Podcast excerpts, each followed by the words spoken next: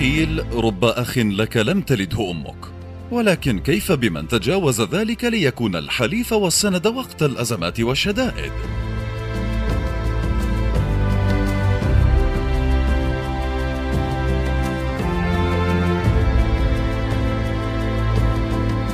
تفجير إرهابي بمحيط معهد الأورام بالعاصمة المصرية القاهرة اهتزت له قلوب المصريين والعرب من المحيط إلى الخليج.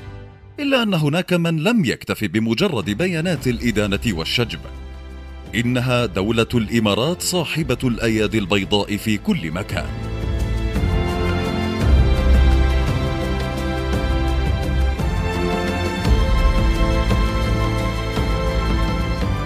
خمسون مليون جنيه تبرع بها الشيخ محمد بن زايد ولي عهد أبو ظبي نائب القائد الأعلى للقوات المسلحة الإماراتية تغطي تكاليف تجديد وإصلاح تلفيات العمل الإرهابي بمعهد الأورام بالقاهرة. في صورة تجسد المعنى الحقيقي للأخوة والتضامن بين الأشقاء.